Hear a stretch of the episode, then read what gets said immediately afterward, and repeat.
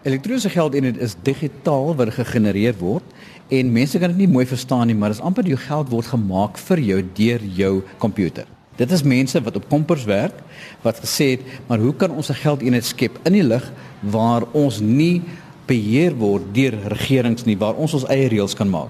Dit ontstaan in rebellie en dis hoekom natuurlik in baie lande was dit eers verbân. Maar raai wat het gebeur? Nou is dit aanvaar. Inteendeel groot maatskappye soos Dell, Microsoft, Tesla ontvang Bitcoin as betaling. En nou kyk al die klein ouetjies en sê, "Wat is Bitcoin? Bestaan dit regtig?" Wel, hoekom sal Tesla, Microsoft en die groot ouens dit gebruik as 'n verhandeling? Sien ons verstaan geld want dit iets fisies in jou hand wees. En wanneer ons kyk na digitale geld, dan is dit soos iemand wat kyk na wat is die wisselkoerse? Jy kan nie aan die wisselkoers vart nie, maar jy weet hy gaan op en hy gaan af. Nou dieselfde met digitale geldeenhede. Dit word verskaf deur jou komputer vir jou maak en as dit gemyn word, het jy die vermoë om dit meer te maak. En dit is presies waaroor dit gaan. So hoe word hierdie geldeenheid verhandel? Ons praat van die blockchain, blockchain waar daar verhandeling is van al hierdie digitale geldeenhede waar mense met mekaar verwissel want die mense het 'n oplossing gesoek waar nie deur wat ons noem fiat currency gaan wat die normale geld is nie want hulle het besef daar's belasting, daar is wisselkoerse, daar's kostes en hulle het gesê, hoe kan ons 'n metodiek vind sodat daar minder geld uitbetaal word om geld te maak? En toe het mense na die blockchain gegaan en van die blockchain het hulle gegaan na verskeie eenhede toe om geld te begin maak. Daar's vandag 720 digitale eenhede beskikbaar in die mark. Algesien niemand dit reguleer nie, is dit wettig. Dis presies waaroor dit gaan. Dis Suid-Afrika het besluit dis wettig om ongereguleerd voort te gaan. Daarom is dit wettig.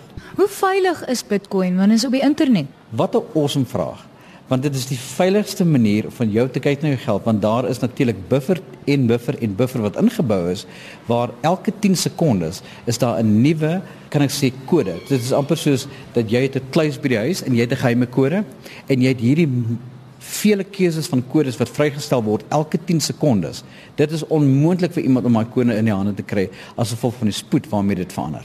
Veronderstel iemand kry dit reg om my bitcoins in die hande te kry. Wie neem verantwoordelikheid vir die verlies? Wel, jy het in begin besluit jy wil in die Bitcoin mark ingaan, so die verantwoordelikheid is op jou. Besigheid is risiko en alles is risiko bestuur. Wat dink jy is die toekoms van Bitcoin? Bitcoin het basies ontstaan in 2009 en wat dit uniek maak is dat elke 4 jaar word daar minder Bitcoin voorsien aan die mark. Daar's net 21 miljoen muntstukke wat gedruk gaan word en dit gaan wees tot die ouderdom 2140. Ons het begin met 50 eenhede elke 10 minute. Toe 4 jaar later te word 25 eenhede. En op die 9de Julie van 2016 toe word dit 12 eenhede. Ek het 12 en 'n half eenhede. Met ander woorde, nou word dit al hoe moeiliker om jou hande te kry op Bitcoin. En ons weet altyd, hoe moeiliker dit is om iets in die hande te kry, hoe skaarser word die item en hoe duurder word die item. En dit is presies wat gebeur het met Bitcoin. Bitcoin verteenwoordig soveel as 63% van die totale mark. Dit sal altyd die ou grandfather clock wees van die industrie, maar ons weet reeds vandag as ons praat, daar's reeds 720 verskillende digitale geldeenhede, maar Bitcoin sal altyd die pappa wees. Ek dink vir dit so moeilik maak om te verstaan. Jy kan dit nie sien nie. Dit is 'n baie abstrakte idee tog. Kan jy dit gaan trek by die bank? Heeltemal reg. Jy het 'n kredietkaart wat 'n Visa kaart is en ons weet mos jy kan 'n Visa kaart gebruik by enige ATM druk hom in en die geld kom uit. Ek moet erken, alhoewel ek kredietkaarte al my lewe gehad het, totdat ek my eie kaart ingesit het en kontant getrek het, het ek dit self nie geglo nie. En ek weet nie hoekom was ek verbaas nie, want Visa is Visa, word gereguleer deur Visa. En dit is wat dit so absoluut fantasties maak, is dat wanneer jy kontant in jou hand het.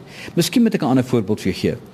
Daar's sekere banke in Suid-Afrika wat 'n beloningsprogram het waar wanneer jy jou geld spandeer deur hulle bank, dan word jy beloon en dan word waarde toegevoeg aan jou. Nou eers het jy gedink, ag, dis nie werklikheid nie. Maar nadat jy jou kaart gekry het en jy kan dan by 'n winkel gaan en ewe skielik kan jy 1000 rand spandeer want daar is waarde en beloning wat op hierdie kaart geakkumuleer het, dan besef jy, dit is werklik geld. Dieselfde met Bitcoin. Jy het eers gedink skepties, is dit werklik geld? Totdat jy kan sien maar ek kan 'n wasmasjien koop. Ek kan koffie koop.